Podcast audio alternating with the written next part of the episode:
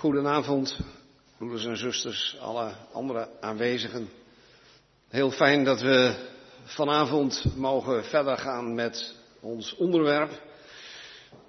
En ik denk inderdaad dat een lezing over de toekomst van Israël uh, heel goed kan aansluiten op een lezing over de toekomst van Europa.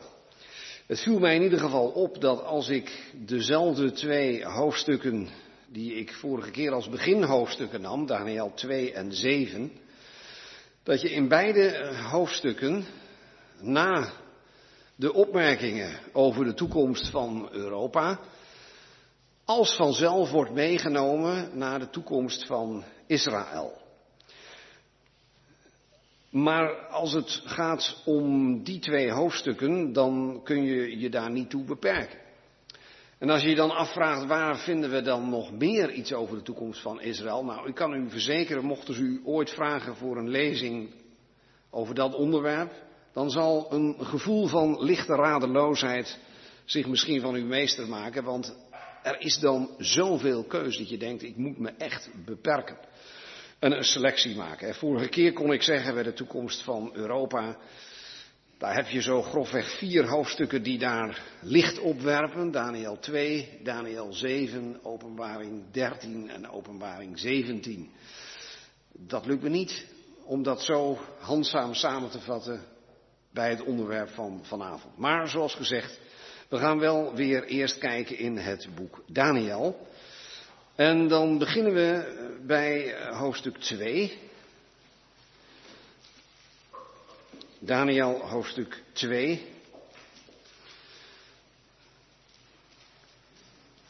En dan weet u wel, hoofdstuk 2 gaat over die droom van Nebukadnezar, waarin hij dat zogenaamde statenbeeld gezien heeft.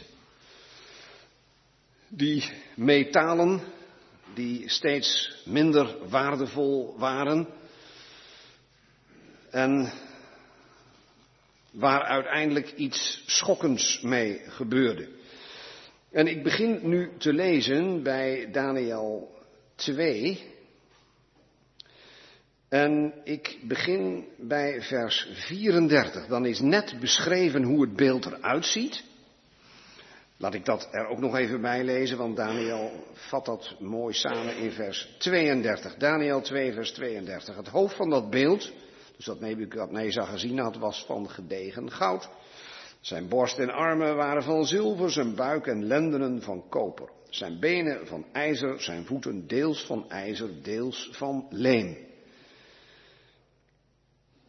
Terwijl gij bleef toezien, zegt Daniel tegen Nebukadnezar, raakte zonder toedoen van mensenhanden een steen los die het beeld trof aan de voeten van ijzer en leem en deze verbrijzelde. Toen werden tegelijkertijd het ijzer, het leem, het koper, het zilver en het goud verbrijzeld. Ze werden gelijk kaf op een dorsvloer in de zomer. En de wind voerde ze mee, zodat er geen spoor meer van te vinden was. Maar van de steen die het beeld getroffen had, die steen werd tot een grote berg die de hele aarde vulde. En dan moet Daniel afsluiten met te zeggen, dit is de droom en de uitlegging daarvan zullen wij de koning zeggen. Dat doet Daniel dan. En hij laat horen welke rijken er achtereenvolgens na het Babylonische Rijk zullen komen. Het, na het Babylonische, het Medisch-Persische Rijk, daarna het Griekse Rijk en daarna het Romeinse Rijk. En dat hebben we vorige keer bekeken, want we hebben gezien dat dat Romeinse Rijk een fase had in het verleden, maar ook nog een toekomstige fase. We hebben gezien dat het beeld niet alleen twee benen had, een Oost- en een West-Romeins Rijk, maar ook nog eens tien tenen. En toen hebben we het boek Openbaring nodig gehad om ons duidelijk te maken dat die tien tenen tien koningen zullen zijn die nog niet geregeerd hebben en die in de toekomst hun heerschappij zullen geven aan die ene Europese dictator die zal gaan regeren. In het 44ste vers sluit Daniel bij het geven van de uitleg. Zo net hadden we alleen nog de beschrijving van de droom. Dan sluit hij wat de uitleg betreft aan bij het slot. En dat is dus het Romeinse Rijk in zijn laatste fase van de tien tenen, de tien toekomstige koningen. En er zal dan iets bijzonders gebeuren en dat hebben wij gelezen. Eerst in vers 35 als beschrijving. De steen die zonder mensenhanden is losgekomen en het hele beeld verbrijzeld. Daarvan lezen we meer in vers 44. En dan zullen we merken dat we langzamerhand naar het onderwerp van vanavond worden gebracht. Daniel 2, vers 44. Maar in de dagen van die koningen, die tien koningen in de eindtijd, zal de God des hemels een koninkrijk oprichten dat in eeuwigheid niet zal te gronden gaan. En waarvan de heerschappij op geen ander volk meer zal overgaan.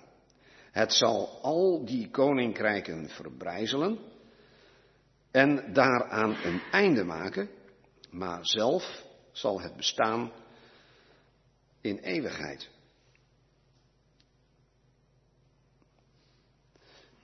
Dat betekent dat God zelf zorgt dat als het statenbeeld vernietigd is, als ook de laatste fase van al die koninkrijken voorbij is, dan zegt God, daar komt iets voor in de plaats. En dat is niet zomaar een min of meer natuurlijke opvolging van weer een volgend rijk, als het vorige tot bloei is gekomen en in verval is geraakt, want zo zijn die eerste vier rijken elkaar opgevolgd. Nee, nu staat er expliciet dat de God des hemels zelf zorgt dat er een koninkrijk gaat volgen dat totaal anders is qua karakter dan de rijken die eraan voorafgaan. En het zal in de dagen van die koningen gebeuren. God richt een koninkrijk op. Dat wordt van die andere vier koninkrijken niet zo expliciet gezegd. Maar God richt een koninkrijk op.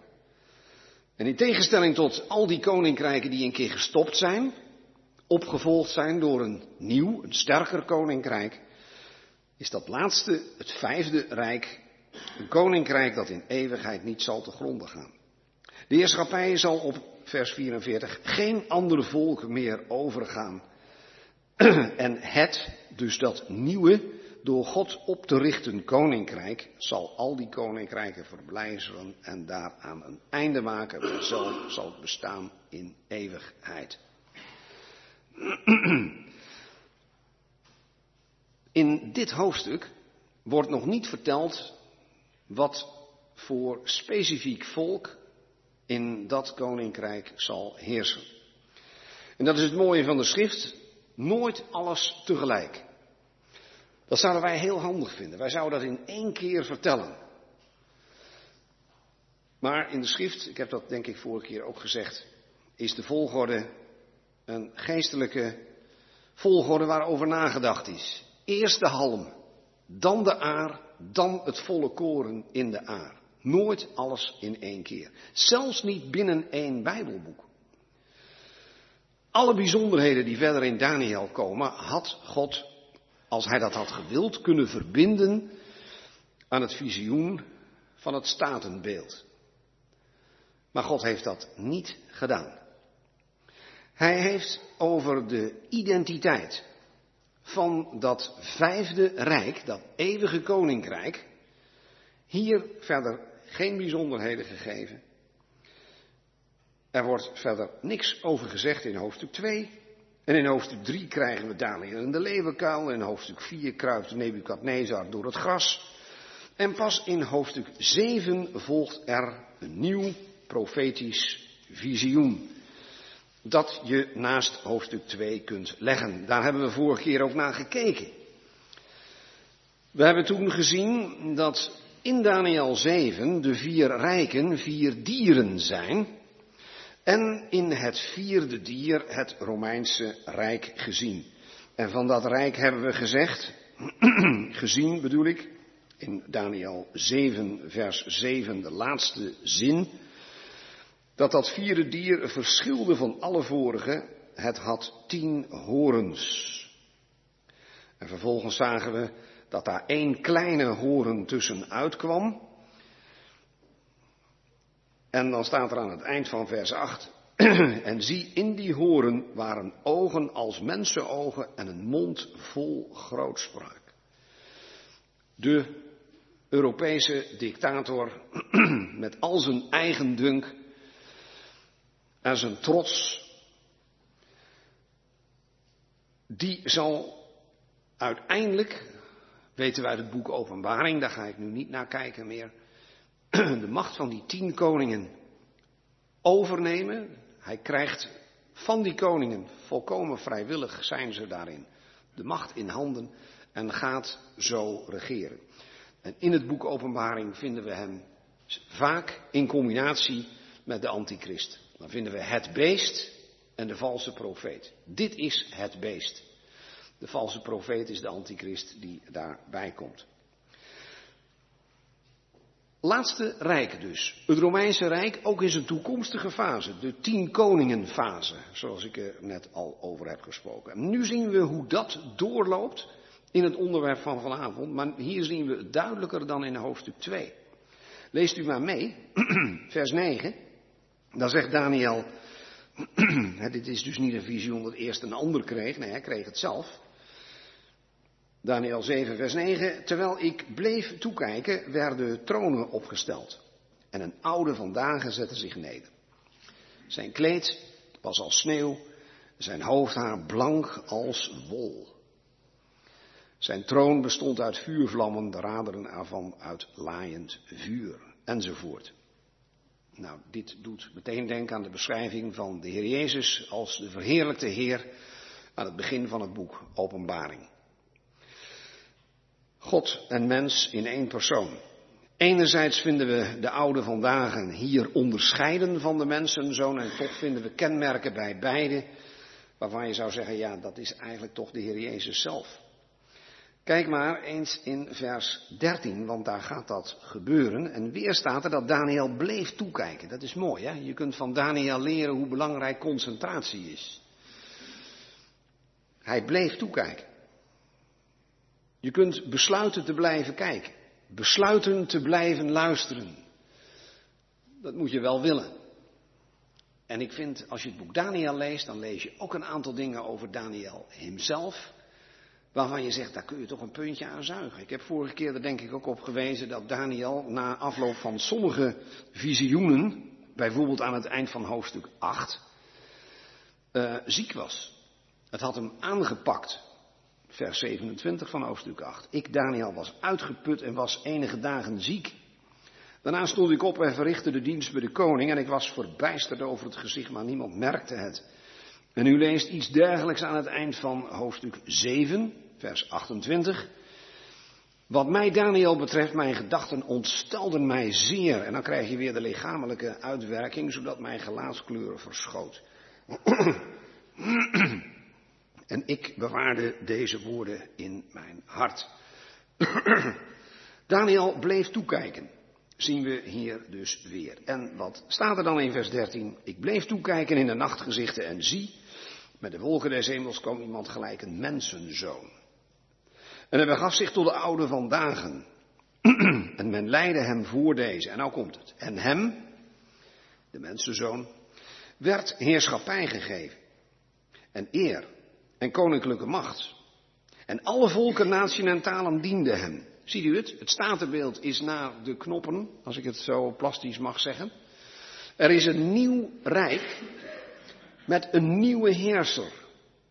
Die zijn heerschappij rechtstreeks en bewust ontvangt uit de hand van God zelf. Hier voorgesteld als de oude van dagen. Hem werd heerschappij gegeven. En eer en koninklijke macht, vers 14. en alle volken, natieën en talen dienden hem. en nou wordt van hem gezegd wat we in hoofdstuk 2 zagen over dat rijk. In 7 vers 14b lezen we, zijn heerschappij is een eeuwige heerschappij. die niet zal vergaan. en zijn koningschap is één dat onverderfelijk is. Dus een nieuw koninkrijk. een nieuwe vorst, een eeuwig koninkrijk. En nou hoop ik dat u het niet vreemd vindt als ik zeg, eeuwig in het Oude Testament gaat in de praktijk zover als de eeuwigheid in het Oude Testament kon reiken, en dat is tot en met het vrederijk. Pas in het Nieuwe Testament krijgt eeuwigheid een dimensie die wij misschien iets meer eeuwig vinden klinken. En ik wil het onderscheid ook weer niet te groot maken. Maar toch is dat belangrijk om te weten. Het perspectief van de oud-testamentische gelovigen eindigde feitelijk als het ging om Gods handelen met deze aarde bij het vrederijk. Alleen wisten ze toen nog niet hoe lang die eeuwigheid zou duren. Dat heeft God pas helemaal op het eind van het Nieuw Testament verklapt. Met alle eerbied gezegd, namelijk in hoofdstuk 20 van het boek Openbaring. Dat vrederijk zal duizend jaar duren. Maar we zijn er nog niet. We hebben een nieuw rijk, waarvan de vorst de macht rechtstreeks krijgt van de oude vandaag. En die vorst wordt de mensenzoon genoemd. En die heeft eeuwige heerschappij en eeuwig koningschap. Overeenkomstig het karakter van zijn rijk. Maar hij regeert daar niet alleen. Vers 18. Misschien aardig om bij vers 15 te beginnen. Dan zien we weer de betrokkenheid van Daniel. De geest van mij, Daniel, was ontroerd in mijn binnenste. En de gezichten die mij voor ogen waren gekomen ontstelden mij. Ik naderde een van hen die daar stonden en vroeg hem de ware zin van dit alles. En hij sprak tot mij. En hij gaf mij de uitlegging daarvan te kennen. Nou, en dan wordt er iets gezegd over die grote dieren. Dat zijn die vier rijken, die 17, vers 17. Die vier zijn vier koningen die uit de aarde zullen opkomen. En dan komt het. Daarna, dus aan het eind van de geschiedenis van de vier koninkrijken, dus ook aan het eind van het laatste, het vierde rijk, het herstelde Romeinse Rijk. Wat zal er dan gebeuren? En daarna zullen de heiligen van de Allerhoogste het koningschap ontvangen. Hé, hey, dat is mooi. We hebben gezien dat de mensenzoon het koningschap ontving en voor eeuwig zal regeren. We hebben gezien dat dat rijk eeuwig was. En dat past bij een eeuwig koning. En nu lezen we dat er ook een volk zal zijn. En in vers 18 worden zij genoemd de heiligen van de Allerhoogste en die zullen het koningschap ontvangen. Ja, zeggen wij dan meteen, omdat wij met nieuwtestamentische ogen daarnaar kijken. Dat klopt, want in het boek Openbaring staat van het begin af aan al over de gelovigen. En zij zullen over de aarde regeren. En de 24 oudsten, die we al in de eerste vijf hoofdstukken van het boek Openbaring een paar keer tegenkomen, die zitten op tronen. En die regeren met de Heer Jezus.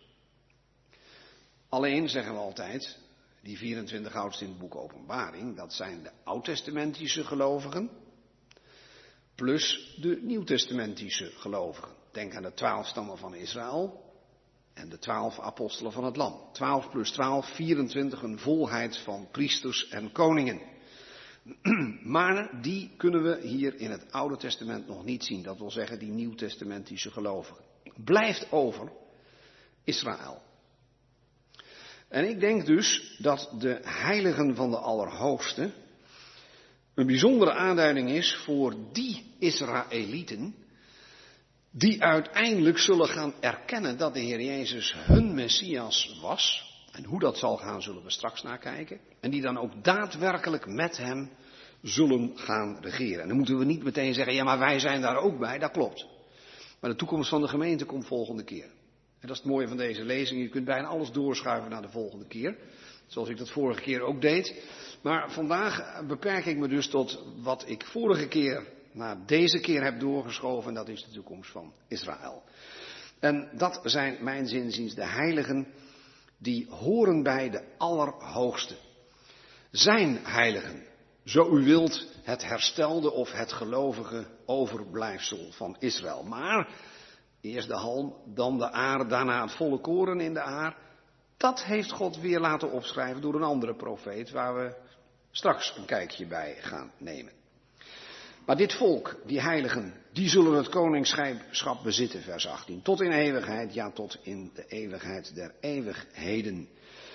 En dan zien we dat dat inderdaad aansluit, zoals ik al zei, op de toekomstige laatste fase van het herstelde Romeinse Rijk.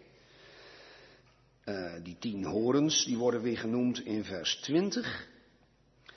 En ik heb toen uh, zojuist ook nog gezegd dat er één horen tussen zat met een mond vol grootspraak. Die wordt ook in vers 20 weer genoemd. En dan lees ik verder bij vers 21. En ik zag, zegt Daniel, dat die horen strijd voerde tegen de heiligen.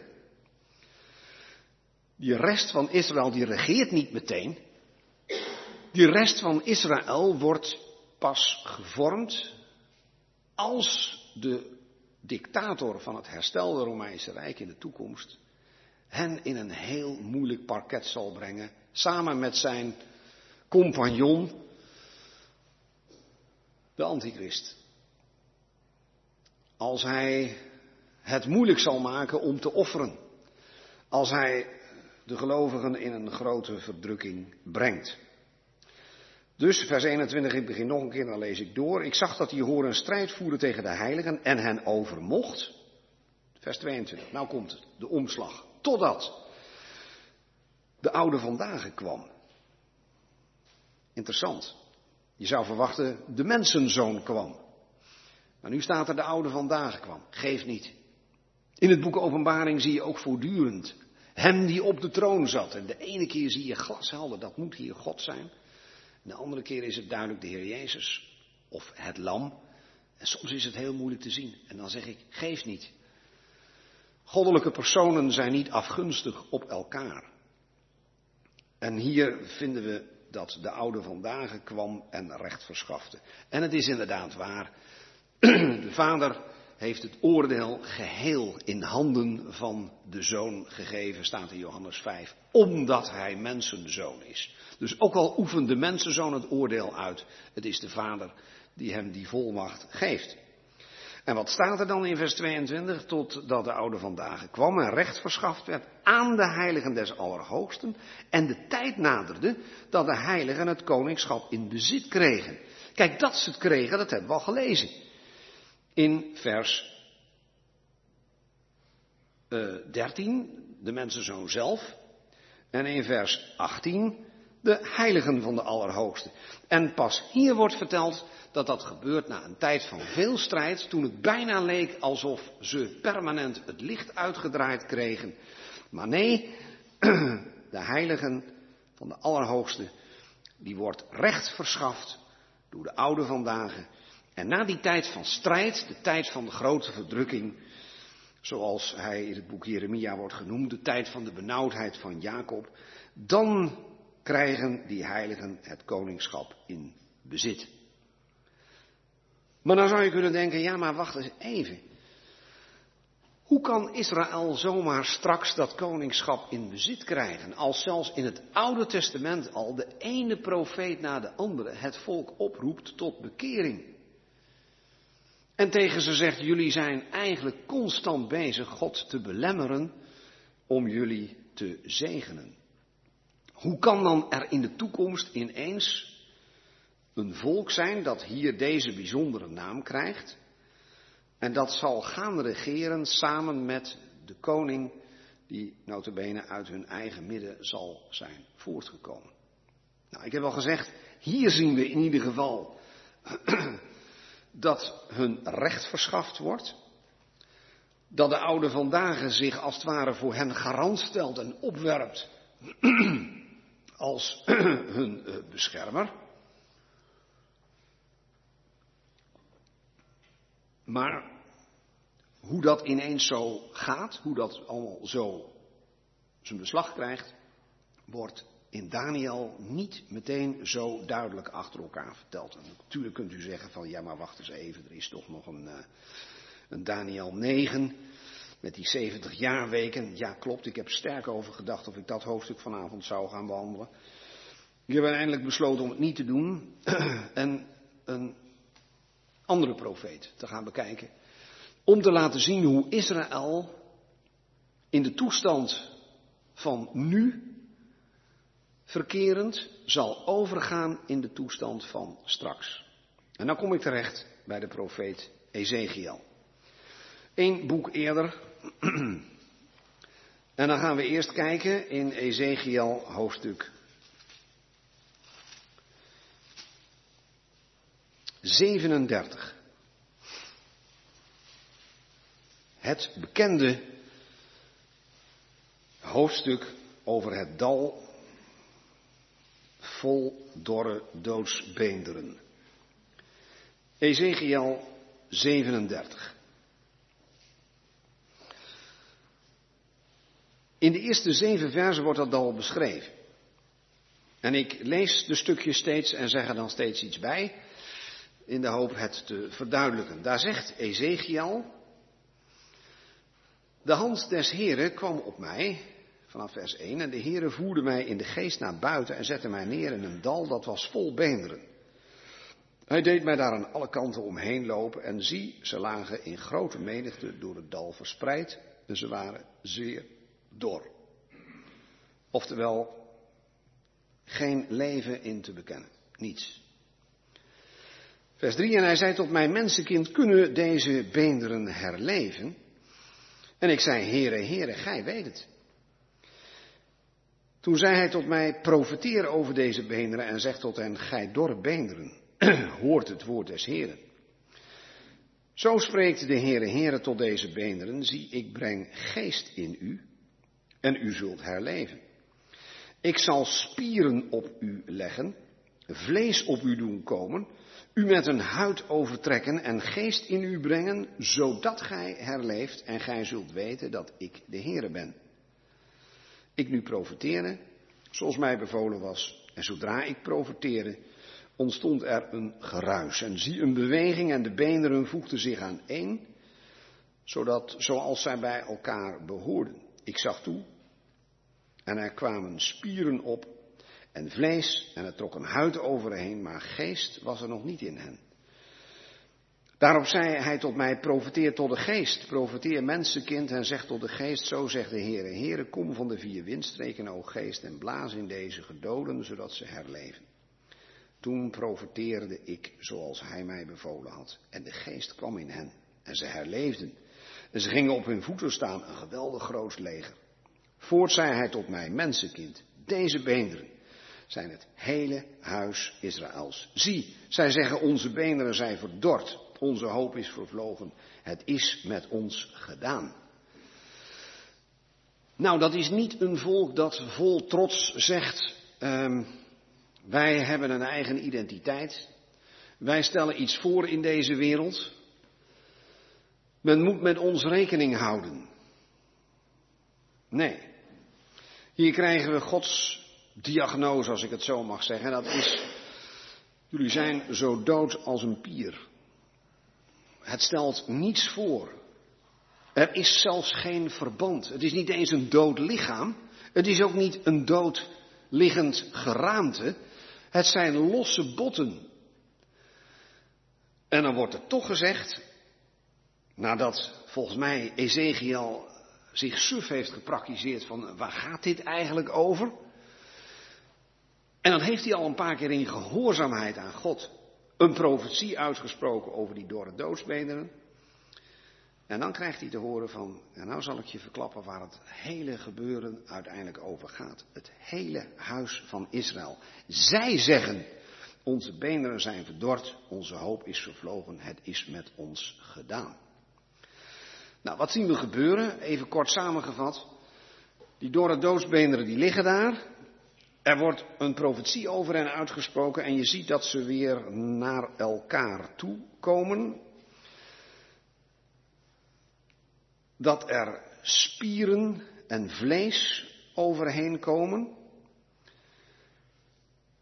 En uiteindelijk moet er ook weer geest in komen. Maar als dan de profetie wordt uitgesproken, dan staat er expliciet in vers 8, ik zag toe en zie, er kwamen spieren op en vlees, het wordt weer een verband. Er trok een huid overheen, maar geest was er nog niet in hen.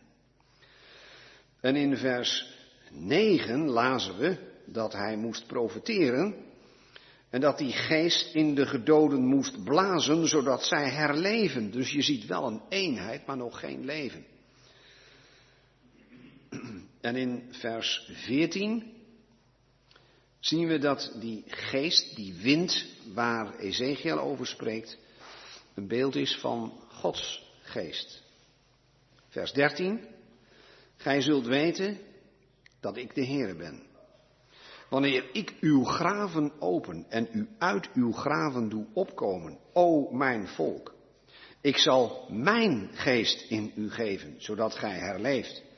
En ik zal u doen wonen in uw land, en gij zult weten dat ik de Heere het gesproken en gedaan heb, luidt het woord des Heeren.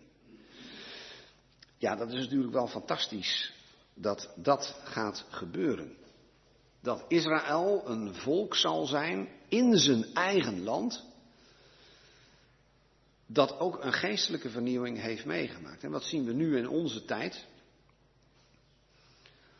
Israël woont weer in het land. Er is een hele generatie jongeren nu die het heel normaal vinden dat er een land Israël is, dat je gewoon op de kaart kunt aanwijzen.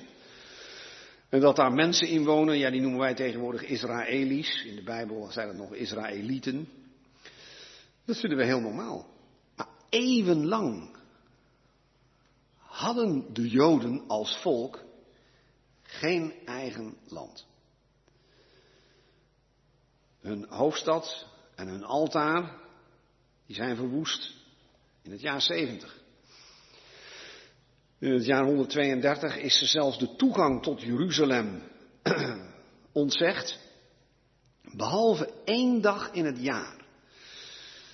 Een dag die nog jaarlijks in Israël wordt gevierd als een soort rampendag. En waarin Joden mochten treuren over het lot dat ze was overkomen. En dat hele gebied is in handen gegaan, gekomen van allerlei volken.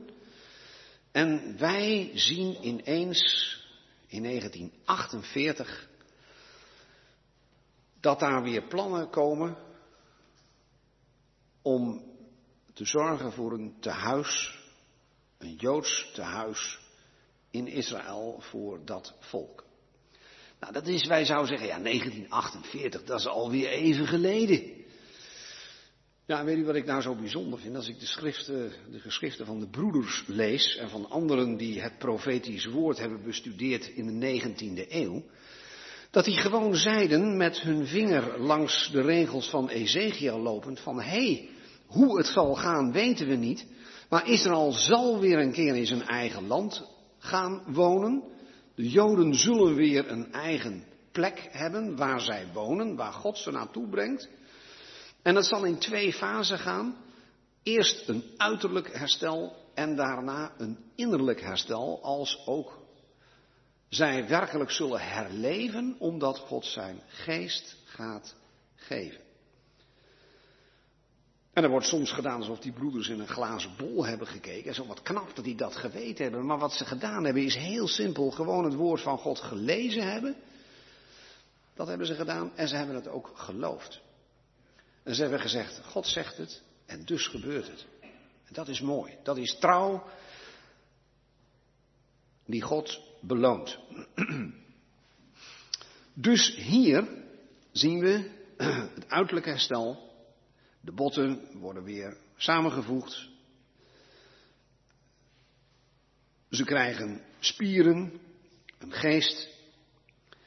En uiteindelijk als de geest komt, komt er ook weer leven. En dan zal, wordt er ook iets tegen ze gezegd. En dat mag Ezekiel tegen die beenderen zeggen. Jullie doodsstaat gaat stoppen. Je komt in je eigen land. En daar zul je uiteindelijk weten dat ik de Heere ben. Ik zal mijn geest, vers 14, in u geven, opdat gij herleeft, of zodat gij herleeft. Er zijn op dit moment in Israël heel veel Joden die dolblij zijn dat ze een eigen staat hebben. Maar die niet zeggen dat ze dat eigenlijk niet verdiend hebben. Die niet zeggen dat ze eeuwenlang ontrouw geweest zijn en dat ze daarom een hoop ellende hebben meegemaakt, al vanaf de Romeinse tijd. En die God ook niet danken voor dat land. Integendeel, er zijn zelfs momenteel orthodoxe Joden in Israël die zeggen de huidige staat Israël is een seculiere, een wereldlijke staat. En wij erkennen pas een staat Israël als de Messias komt om hem op te richten. Dan is er pas werkelijk sprake van een door God gegeven koninkrijk en een door God gegeven koning. Dat klinkt heel mooi en heel vroom, maar in feite laten ze dan een stuk van het profetisch woord dicht, namelijk Ezekiel 37. Dat laat zien dat dat in twee fasen gaat. Maar er gaat iets aan vooraf. En hoewel ik graag nog een paar stukjes uit hoofdstuk 37 zometeen wil gaan bekijken, wil ik eerst even terug naar het hoofdstuk hiervoor. Ezekiel 36. Ook Ezekiel vertelt het niet allemaal tegelijk. En eerlijk gezegd denk ik wel eens van, ik, ik zou misschien een andere volgorde gekozen hebben. Maar terwijl ik dat denk, moet ik gelijk zeggen, ja wacht eens even. Ezekiel was een geïnspireerde profeet. Die heeft Gods volgorde aangehouden. Wie ben ik om te zeggen dat ik het misschien anders had gedaan? Ja, dat, uh, dat is denk ik goed om ons dat te realiseren. Aan de andere kant denk ik dat ook Ezekiel wel eens zijn eigen volgeschreven boekrollen heeft teruggelezen. Om echt te begrijpen wat hij nou moest zeggen en meemaken. Dus hij, dat hij het in de volgorde heeft meegemaakt waarin hij het opgeschreven heeft, dat is duidelijk. En het mooie is dat voordat hij het visioen van de dorre doodsbeenderen kreeg, hij al in een hoofdstuk eerder heeft mogen nadenken over de inwendige verandering, ik noem het nu de bekering van Israël. Ezekiel 36 is te lang om in zijn geheel te lezen. Ik pik er een paar versen uit. En ik begin bij vers 23. Nee, 22. Ezekiel 36, vers 22.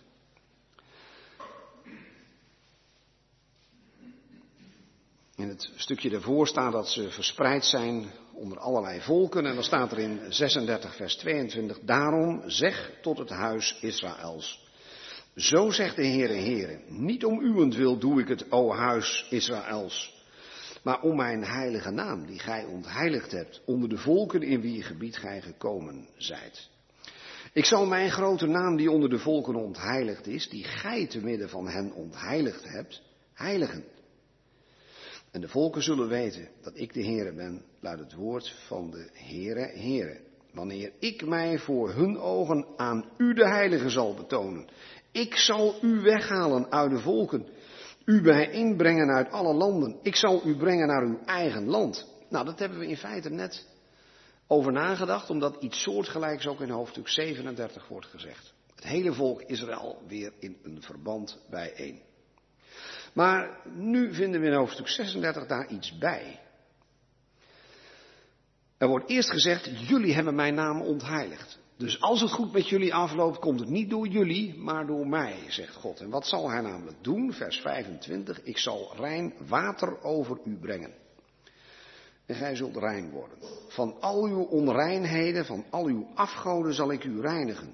Een nieuw hart zal ik u geven en een nieuwe geest in uw binnenste. Het hart van steen zal ik uit uw lichaam verwijderen. En ik zal u een hart van vlees geven. Mijn geest. Hebben we net ook gelezen in 37. Mijn geest zal ik in uw binnenste geven. En maken dat gij naar mijn inzettingen wandelt. En naarstig mijn verordeningen onderhoudt. Gij zult wonen in het land dat ik uw vaderen gegeven heb. Gij zult mij tot een volk zijn. Ik zal u tot een God zijn. Ik zal u van al uw onreinheden verlossen. Ik zal het koren roepen en het vermeerderen. En geen hongersnood over u brengen. Enzovoort. En dan vers 31. Dan zult gij terugdenken aan uw boze wandel. En aan uw handelwijze die niet goed was. Gij zult van uzelf walgen om uw ongerechtigheden en uw gruwelen. Niet om uwentwil doe ik het, luidt het woord van de Heere Heere. Weet dat wel. Schaam u en wordt schaamrood over uw handel, huis Israël. Nou, mooier kun je toch niet uitleggen wat een bekering is. Je schaamt je over je eigen verleden. Je laat in die zin de reinigende kracht van het woord van God zijn werk doen en je zegt, Heere God, u hebt volkomen gelijk. Dat geeft al iets verkwikkends. God gelijk geven. Niet meer tegen hem ingaan. Maar de oplossing komt niet van Israël, maar van God. Want Hij verandert dat hart. Hij vervangt het door een vlees en hart. Hij geeft een nieuwe geest, vers 26. Ja, zegt God in vers 27, mijn geest. Oftewel, Israël zal een verandering meemaken, een bekering meemaken. En eigenlijk, als ik nou de volgorde van de schrift had aangehouden, dan had ik daarmee kunnen beginnen en had ik kunnen zeggen, Israël zal zich bekeren. Zal erkennen dat ze het fout gedaan hebben. En hun grootste fout, dat lees je in hun woorden in Jesaja 53. Als ze over de Heer Jezus zeggen, wij achten hem een door God geslagene en verdrukte. Maar hij is om onze overtredingen doorwond. Om onze ongerechtigheden is hij verbrijzeld. De straf die ons de vrede aanbrengt was op hem. En door zijn striemen is ons genezing geworden. Wij lezen dat vaak op zondag, hier ook ongetwijfeld. Volkomen terecht. En dan denken we aan onszelf. Maar het is de taal van het overblijfsel dat in de toekomst zal erkennen van wij hebben in de persoon van onze voorouders een verschrikkelijke denkfout gemaakt. Iemand totaal verkeerd beoordeeld. Degene aan wie wij nu juist onze redding, onze reiniging te danken hebben. Nou, stel, ik had dat in die volgorde vanavond behandeld. Niks mis mee. Maar dan had ik moeten zeggen, kijk eens, Israël zal zich bekeren. En dat hebben we nu gelezen. Ik heb die versen met u doorgenomen. Wanneer zal dat gebeuren? hoofdstuk 37, als ze in het land gebracht zijn, als er weer een verband is, geest zal er nog niet in hen zijn. En dan zegt God, en ik zal mijn geest in dat volk brengen. Nou, dat stukje, mijn geest zal ik u geven of in u brengen, daarop is al gezinspeeld in hoofdstuk 36. Dus dat zal God doen als ze al in het land zijn, in ongeloof. En de meeste Joden in Israël kennen de Heer Jezus niet. Sterker nog, ze wijzen hem af. En het is hartverwarmend om in Israël gelovige Joden te ontmoeten. En ik heb in 2017 een Messias beleidende, noemen wij dat dan, gemeente bezocht in Israël. En ik vond het fantastisch.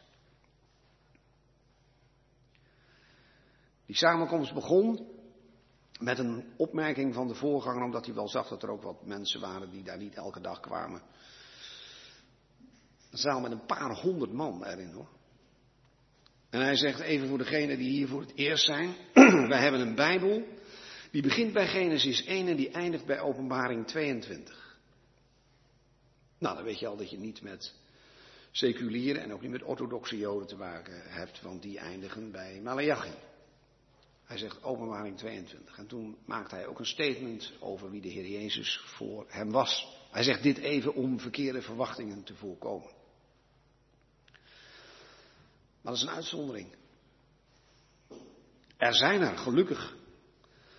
Maar de meeste Joden in Israël zijn niet gelukkig zitten permanent in angst voor de landen en de gevaren om hen heen en om eventuele wetgeving in Israël die tegen hen gericht is. Ook die zogenaamde Messias beleidende Joden moeten rustig aandoen. Voorzichtig, niet te veel borden met aankondigingen van samenkomsten. Formeel mogen ze alles doen wat ze willen. In de praktijk moeten ze voorzichtig zijn. Maar het is hartverwarmend. Joden te horen zingen over de Heer Jezus. En tot Hem te bidden en te horen hoe ze Hem aanbidden. Uiteindelijk zal God buitengewone dingen doen. Er zal een tijd komen dat het buitengewoon moeilijk voor die mensen is die nu al de Heer Jezus willen erkennen als hun Messias. Waarvan van wie wij zouden zeggen, die horen eigenlijk bij de gemeente. Die horen bij het overblijfsel na de verkiezing der genade in de tegenwoordige tijd. Romeinen 11. En dan komt er in de toekomst een overblijfsel dat zich pas zal vormen als ze in grote nood zijn. En dan zal dit gebeuren wat wij nu gelezen hebben. Als ze uit vele volken bij elkaar in het land zijn en dat geestelijk herstel zullen meemaken. Eerder zijn ze niet geschikt om met de Heer Jezus samen te regeren, dat koninkrijk te ontvangen de koning van hun aardse rijk te erkennen.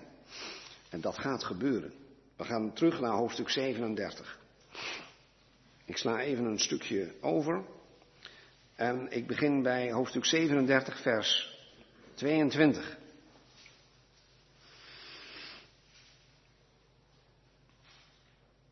Ik zal, zegt God, hen, dat zijn de tien en de twee stammen, tot één volk maken in het land, op de bergen van Israël. En één koning zal over hen allen koning zijn. Daar hebben wij al over gelezen in Daniel 2 en 7. Niet langer zullen ze twee volken zijn, tien en twee stammen.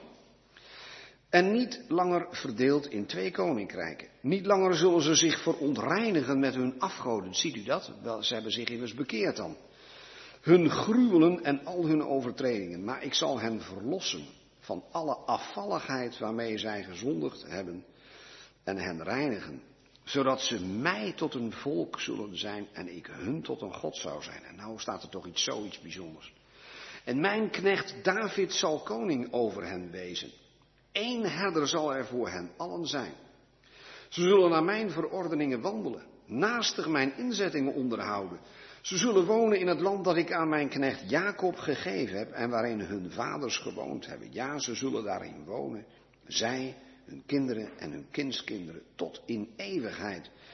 En mijn knecht David, staat het nog een keer, zal hun voor eeuwig tot vorst zijn. Ik zal met hen een verbond des vredes sluiten. Een eeuwig verbond met hen zal het zijn. Ik zal hun plaats geven, hen vermeerderen en mijn heiligdom voor eeuwig te midden van hen stellen. Mijn woning zal bij hen zijn. Ik zal hun tot een God zijn. Ze zullen mij tot een volk zijn. En de volken zullen weten dat ik, de Heere, het ben die Israël heilig. Doordat mijn heiligdom voor eeuwig te midden van hen staat. Is dat niet geweldig? Ja, twee keer staat er mijn knecht David, die zal koning wezen. Nou, ook de Joodse uitleggers, die zien dit als een zinspeling op de Messias. En zelfs de man, de blindgeborene, we hebben er geloof ik vorige keer ook even aan gedacht. Die zei toen hij hoorde dat de Heer Jezus langskwam, toen men hem dat vertelde, die heeft toen gezegd, Zoon van David, erbarm u over mij. Die wist, als de Messias komt, die al die bijzondere tekenen doet als teken van het komend koninkrijk, dan zal hij de zoon van David zijn. Ezekiel gaat nog verder. Die tekent uit Gods mond de woorden op, hij wordt gewoon David genoemd. De grote David. Mijn knecht David zal koning wezen. Dat is het eerste. Het tweede is, er zal een verbond met hem worden gesloten. Nou, het hoofdstuk over het nieuwe verbond in het Oude Testament is Jeremia 31. Dat zou u voor uzelf eens moeten bestuderen. En er staat dat dat gesloten wordt in het laatst der dagen. Nou staat er aan het begin van het tweede deel van de Bijbel dat dat het Nieuwe Testament is. En wij noemen onszelf ook heel vaak de Nieuw-testamentische gelovigen. En dat mag best, ik ga geen uh, knuppel in het hoenderhok gooien dat dat niet meer mag. Maar ik zeg wel, het nieuwe verbond is niet met ons gesloten. Het zal gesloten worden met het herstelde Israël. Maar de zegeningen van het nieuwe verbond, daar vallen wij wel onder. Die mogen wij ons nu al eigen maken. Want de zegeningen van het nieuwe verbond, straks waar het gelovig herstelde Israël van zal genieten, Die zegeningen zijn gegrond op datzelfde kruis van Golgotha, waaraan hij heeft gehangen, wiens dood ook vanmorgen in deze ruimte is verkondigd. Dat is de Heer Jezus zelf. Dat wordt hier een eeuwig verbond genoemd, wordt verder niet uitgewerkt. Het is alsof God gedacht heeft, nee, dat, daar, laat ik Jeremia wat over zeggen. We verdelen de taken een beetje. Niet alles voor Daniel of voor Ezekiel. Jeremia moet ook nog een mooi profetisch stukje mogen beschrijven. En dan zegt hij erbij, er komt ook weer een tempel. Nou, als je nu aan een Jood in Israël vraagt, waarom brengen jullie eigenlijk geen offers? Dan vindt hij dat natuurlijk een ongelooflijk domme vraag. Dan zou hij zeggen, waar moet ik dat doen? Er is geen altaar. Er is geen tempel. Hoe kunnen wij offeren? Ze willen het wel graag. En u hebt ongetwijfeld wel eens gehoord van dat bijzondere gezelschap dat alle spullen al klaar heeft voor het geval de tempel weer wordt herbouwd. En toen ik in 2017 een eh, cursus in Israël mocht volgen, heb ik tegen de docent, eh, als ik af en toe even één op één met hem kon spreken, eh, gezegd, weet u wel dat de schrift erover spreekt dat de tempel herbouwd zal worden? En dat er weer offers gebracht zullen worden. En dat men dan de Heer Jezus zal erkennen.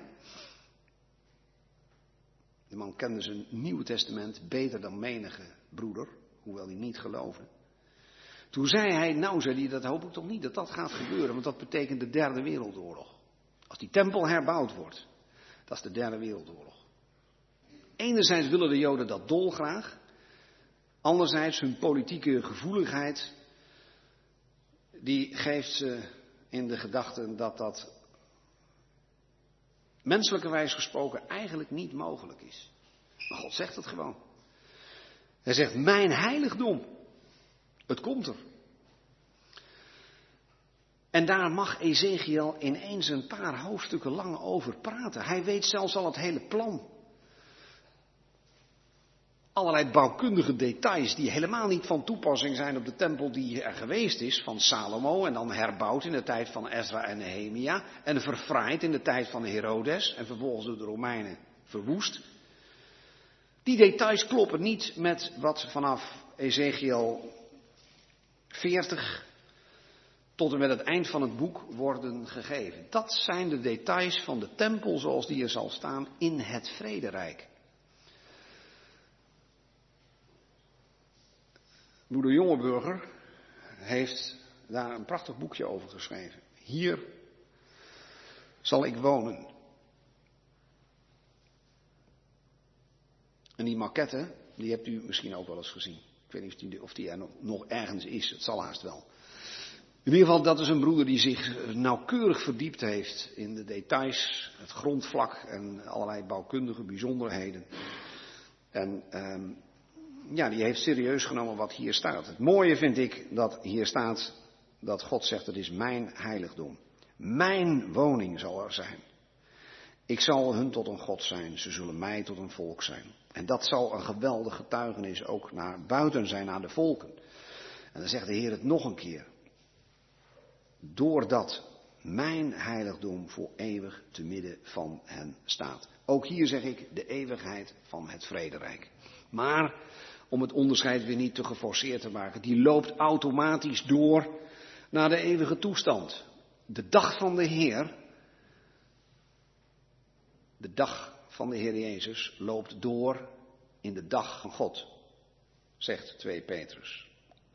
Het vrederijk loopt door naar een eeuwigheid die het perspectief van de oud-testamentische gelovigen ver heeft overstegen. Ja, allerlei andere profeten spreken over andere bijzonderheden over het, als het gaat om de toekomst van Israël. Die periode van de grote verdrukking en alle oorlogen en vijanden waar Israël mee te maken zal krijgen, daar spreekt ook Daniel over. Ik heb daar niet over gesproken. Ik heb deze keus gemaakt. Hoe God uiteindelijk met Israël tot zijn prachtige doel komt. Namelijk wonen te midden van zijn volk En daarmee een getuigenis geven naar de hele wereld, die getuige zal zijn van zijn handelen. Israël is nu een puntige steen waaraan de volken zich stoten. En Lucas 21 zegt het, de Heer Jezus zegt het daar, dat Jeruzalem door de volken zal worden vertreden totdat de tijden van de volken voorbij zullen zijn. Nu leven we nog in de tijden van de volken. Israël hoeft maar dit verkeer te doen en de Verenigde Naties nemen een resolutie aan. De woorden van de Israëlische politici liggen op een goudschaaltje. De volken, alles en iedereen bemoeit zich ermee. En er zijn af en toe weer plannen om Jeruzalem onder internationaal toezicht te stellen. Dat zou men eens bij een andere hoofdstad moeten proberen. En nou gaat het zelfs nog over Israël in ongeloof. Maar we zien duidelijk wie hebben het voor het zeggen in Israël de grote machten.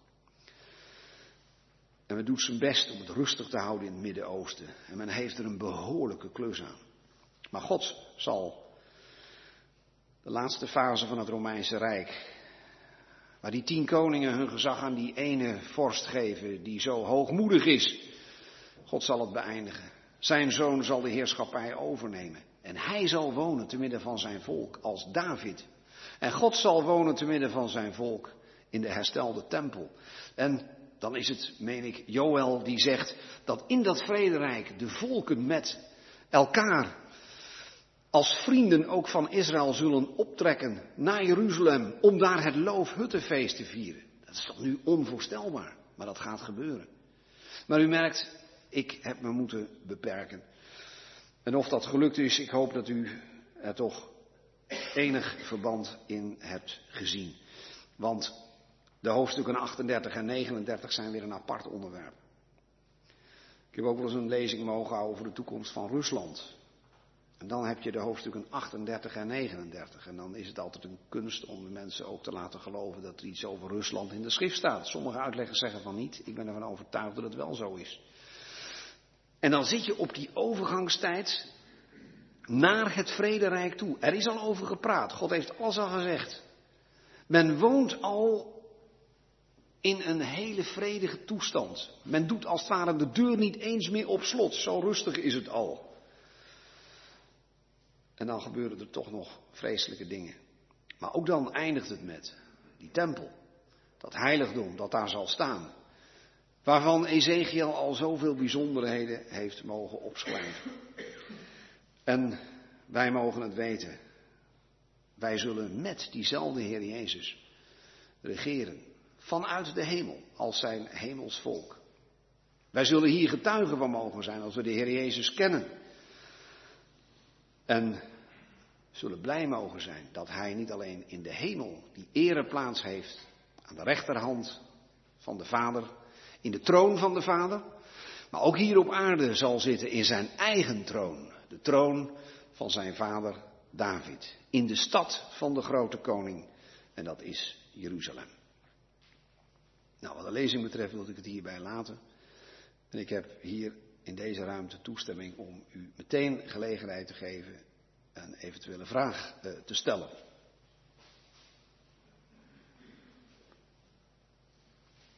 Ga uw gang. Ik heb een vraag over, als we verder lezen in Ezekiel, dan wordt er verteld over uh, wat er in de duizend jaar tijd in de duizend Ja. En voor mij was het wel uh, warm, dus ik heb uh, de uitleg van John de Arthur gelezen en hij bevestigt dat ook. En, uh, en hij zegt dat het is, uh, net als hoe wij terugkijken naar wat Christus heeft gedaan, dat de Israëlieten dat ook zullen doen. Maar de Heer Jezus zal in het midden van het volk uh, staan. En de Heer Jezus zegt bijvoorbeeld op de broodweg, u doet dit uh, voor mij denken. Ja. Uh, dus uh, waarom moeten uh, de Joden die offers brengen terwijl de offer al volmaakt is en Ja. hij is in de midden? Dus dat is Ja, ik zal de vraag kort herhalen. Die komt hierop neer.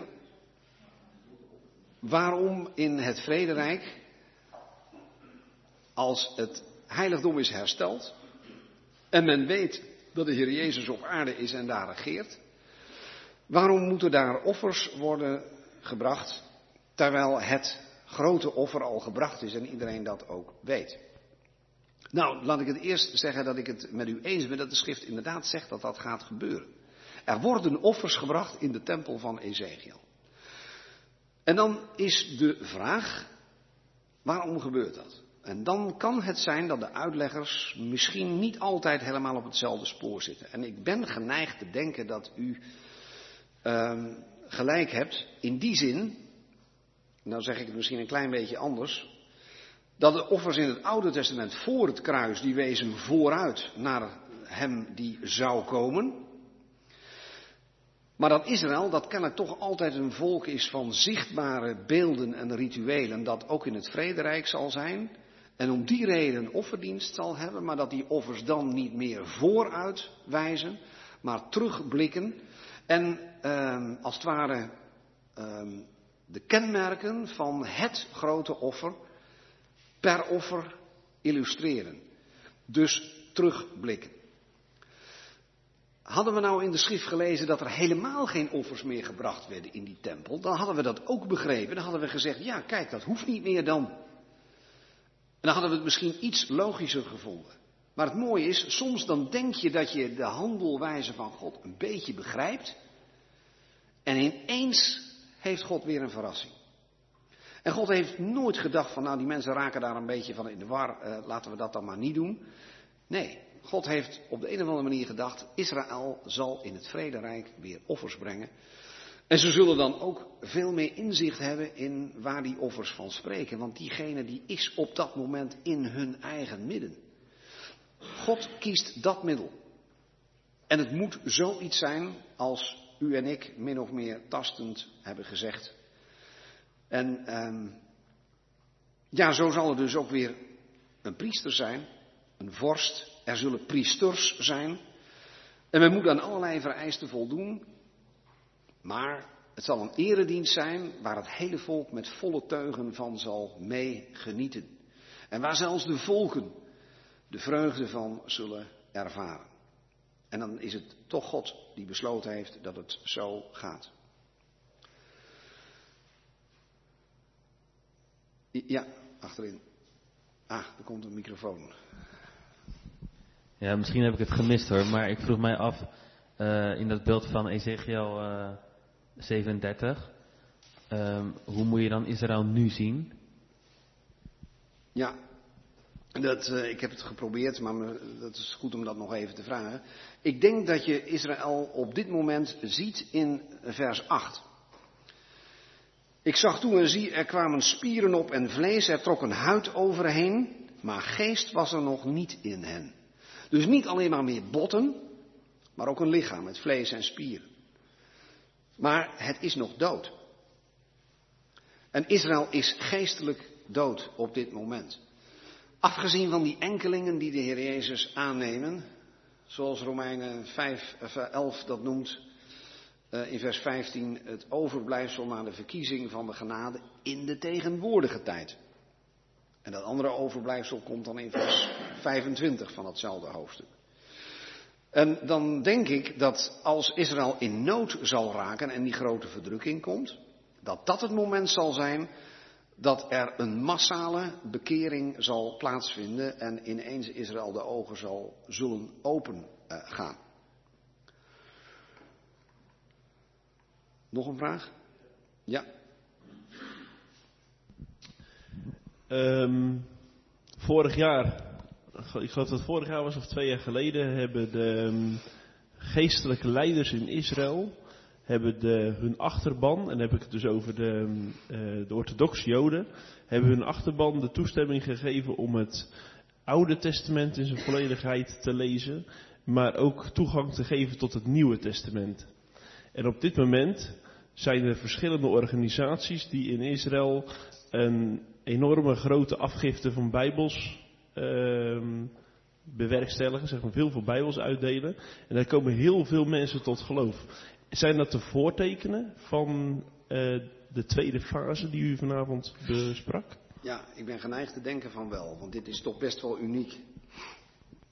En uh, ook de, ik heb me laten vertellen dat ook de hoeveelheid uh, Messias beleidende Joden in Israël zelf, uh, dat dat enorm toeneemt. Zelfs zo sterk dat de overheid zich daar eh, bezorgd over maakt.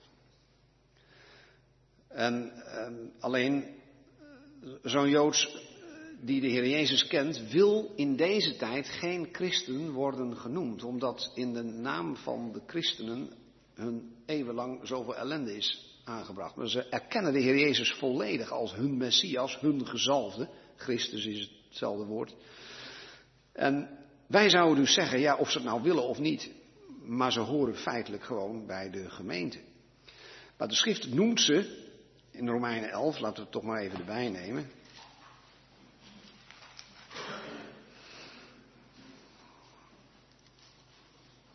Vers 5. Ik zei net 15, het is 5. Um, Romeinen 11. Dat is een heel mooie vraag, begint het mee. Ik zeg dan heeft God zijn volk verstoten? En dan zegt Paulus, nee hoor, helemaal niet. Ik ben immers ook een Israëliet. En dan noemt hij allerlei voorbeelden. En dan laat hij horen dat uh, in de tijd van uh, Elia mensen dat ook gedacht hebben. En toen bleek het toch een overblijfsel te zijn van 7000 man die in die tijd van verval de knie voor Baal niet gebogen hadden. En dan staat er in vers 5, en dat is leerzaam voor ons, zo is er dan ook in de tegenwoordige tijd een overblijfsel naar de verkiezing van de genade. Dat zijn dus Joden die nu in deze tijd, de genadetijd zoals wij die ook wel noemen, de Heer Jezus hebben erkend en aangenomen. En die kun je vergelijken met die priesters, die 7000 die de knie destijds voor Baal niet hebben gebogen. Maar pas in vers 25 zien we dat er na een tijd van verblinding en volharding iets zal gaan gebeuren. En dat is het toekomstige overblijfsel wat je dan krijgt. Eh, Romeinen 11, vers 25. Daar zegt Paulus, want ik wil niet, broeders, dat u deze verborgenheid onbekend is. Opdat u niet wijs bent in eigen oog dat er voor een deel over Israël verharding is gekomen. Totdat de volheid van de volken is ingegaan. En zo je kunt ook vertalen op grond van andere plaatsen. En dan zal heel Israël behouden worden. Zoals geschreven staat, uit Sion zal de redder komen. Enzovoort. Met andere woorden, er zal een forse bekering van Israël plaatsvinden. Van een groot aantal mensen. Zoveel dat God dat geheel ziet als vertegenwoordiging van heel Israël. En dat zal komen als de verharding die over heel Israël ligt, ook in zijn geheel zal worden weggenomen, niet slechts bij een deel. Dus de verharding is gedeeltelijk, de verblinding is tijdelijk, maar zelfs in de tegenwoordige tijd is er al een overblijfsel na de verkiezing van de genade. Dus Romeinen 11 kent twee overblijfsels. De christenjoden nu, zeg ik toch maar even voor het gemak. En de joden die straks als volk, als de volheid van de volken laten we gemakshalve even zeggen de gemeente. Als die is opgenomen, dan zal de periode aanbreken van de grote verdrukking. En die zal leiden tot een noodkreet naar de hemel. En de erkenning dat daar in het verleden en ook door hen zelf een verschrikkelijke denkfout is gemaakt. En dat zal hun bekering zijn. Althans, zo lees ik het. Nog één vraag? Mag dat, uh, Simon? Nog één vraag. Goed. Um, uh, de christenen of uh, de mensen die in de Heer hebben geloofd in de tijd van de genade. Iets dichterbij, sorry. Ja. Um, wij zullen verheerlijkt worden. Eerste Thessaloniki uh, 4. maar de Joden in de duizend jaar rijk, wij zullen komen als priesters en koningen, wij zullen regeren. Maar hoe zou het zijn met de Joden? Want zullen zij ook, want u zei ehm, in um, vers 8 van Hezekiel 37, dat er nog geen geest in hun was. Zullen zij dan ook uh, uh, wederom geboren, vernieuwd ja, worden? Zeker. Want wij zullen toch in die periode een andere positie ja. hebben. Want zij zijn de Gods volk, zeg maar. En we, dus, want in, na de duizend jaren zal de Satan dan een deel um, verdwalen, zeg maar. en zal hij van het volk van Israël dat doen, ook, of ook met ons? Want eigenlijk, wij zijn verheerlijk, dus ik dacht, dat kan niet. Maar zou het wel bij, bij de Israëlieten kunnen, maar zij zijn dan ook wederom geboren? Of zijn het dan de kinderen die na zullen komen? Um, ja, dat is niet zo'n makkelijke vraag. Ehm, Sorry. Nee, nee, dat geeft niet. Ehm, ik zit even na te denken hoe ik het beste kan beginnen. Eh Joel 2 maakt duidelijk dat ook het gelovige overblijfsel bij de bekering de Heilige Geest zal ontvangen. Handelingen 2 is een voorvervulling van Joel 2. En Joel 2 slaat naar de letter op de bekering van Israël in de tijd van de grote verdrukking. Dan zullen zij gelovigen zijn, wedergeboren mensen zijn op aarde. En er zullen mensen vanuit de grote verdrukking levend het vrederijk ingaan. En die zullen dus ook de volle duizend jaar op aarde zijn. Als wij al in de hemel zijn. Maar wat gebeurt er nou met de Satan als hij losgelaten wordt aan het eind van het vrederijk? Wat gaat hij dan doen? Nou, dan staat uh, zijn specialiteit uh, vermeld in uh, vers 8 van Openbaring 20. Dan staat er in, laat ik bij vers 7 beginnen, Openbaring 20, vers 7. Wanneer de duizend jaren voleindigd zijn, zal de Satan uit zijn gevangenis worden losgelaten. En hij zal uitgaan om de naties te misleiden. Dat zijn de volken. De ongelovige volken die tijdens het vrederijk in Israël zijn en zich niet hebben bekeerd. Die hebben duizend jaar lang de zegenrijke regering van de Messias meegemaakt.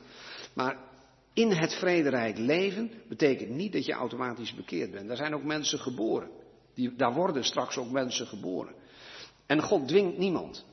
En er zullen mensen zijn die aan het eind van het vrederijk uh, zullen bezwijken voor de verleiding, de misleiding van de Satan. En die worden hier de naties genoemd, de, de volken. En die zullen dan het lef hebben om oorlog te gaan voeren. En dan staat er in vers 9, ze kwamen op over de breedte van de aarde en omsingelden de legerplaats van de heiligen, daar heb je de gelovige Joden. En de geliefde stad, dat is Jeruzalem. En wat is de oplossing? Er daalde vuur neer van God uit de hemel en verteerde hen. Dus, de, dus Satan zal het tot het laatst proberen. Zelfs als hij duizend jaar opgesloten heeft gezeten. En als het ware weet hoe zegenrijk de regering op aarde geweest is.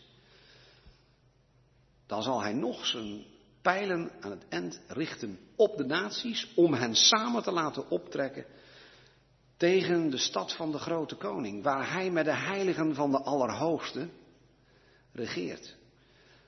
En van hogerhand wordt ingegrepen en het einde van Satan is nabij. Vers 10, de duivel die hen misleidde werd geworpen in de poel van vuur en zwavel. Daar zijn dan overigens al duizend jaar lang het beest en de valse profeet. En dat trieste gezelschap van drie zal tot in eeuwigheid gepijnigd worden, in alle eeuwigheid. En daar zullen dan daarna nog de ongelovigen aan toe worden gevoegd. Maar gelukkig, het boek eindigt met een nieuwe hemel en een nieuwe aarde. Waar niet meer gerechtigheid heerst, zoals in het vrederijk. Waar nog oordelen moeten plaatsvinden. Elke dag zullen ze plaatsvinden. Maar waar de gerechtigheid zal wonen. Dan laat ik het hierbij.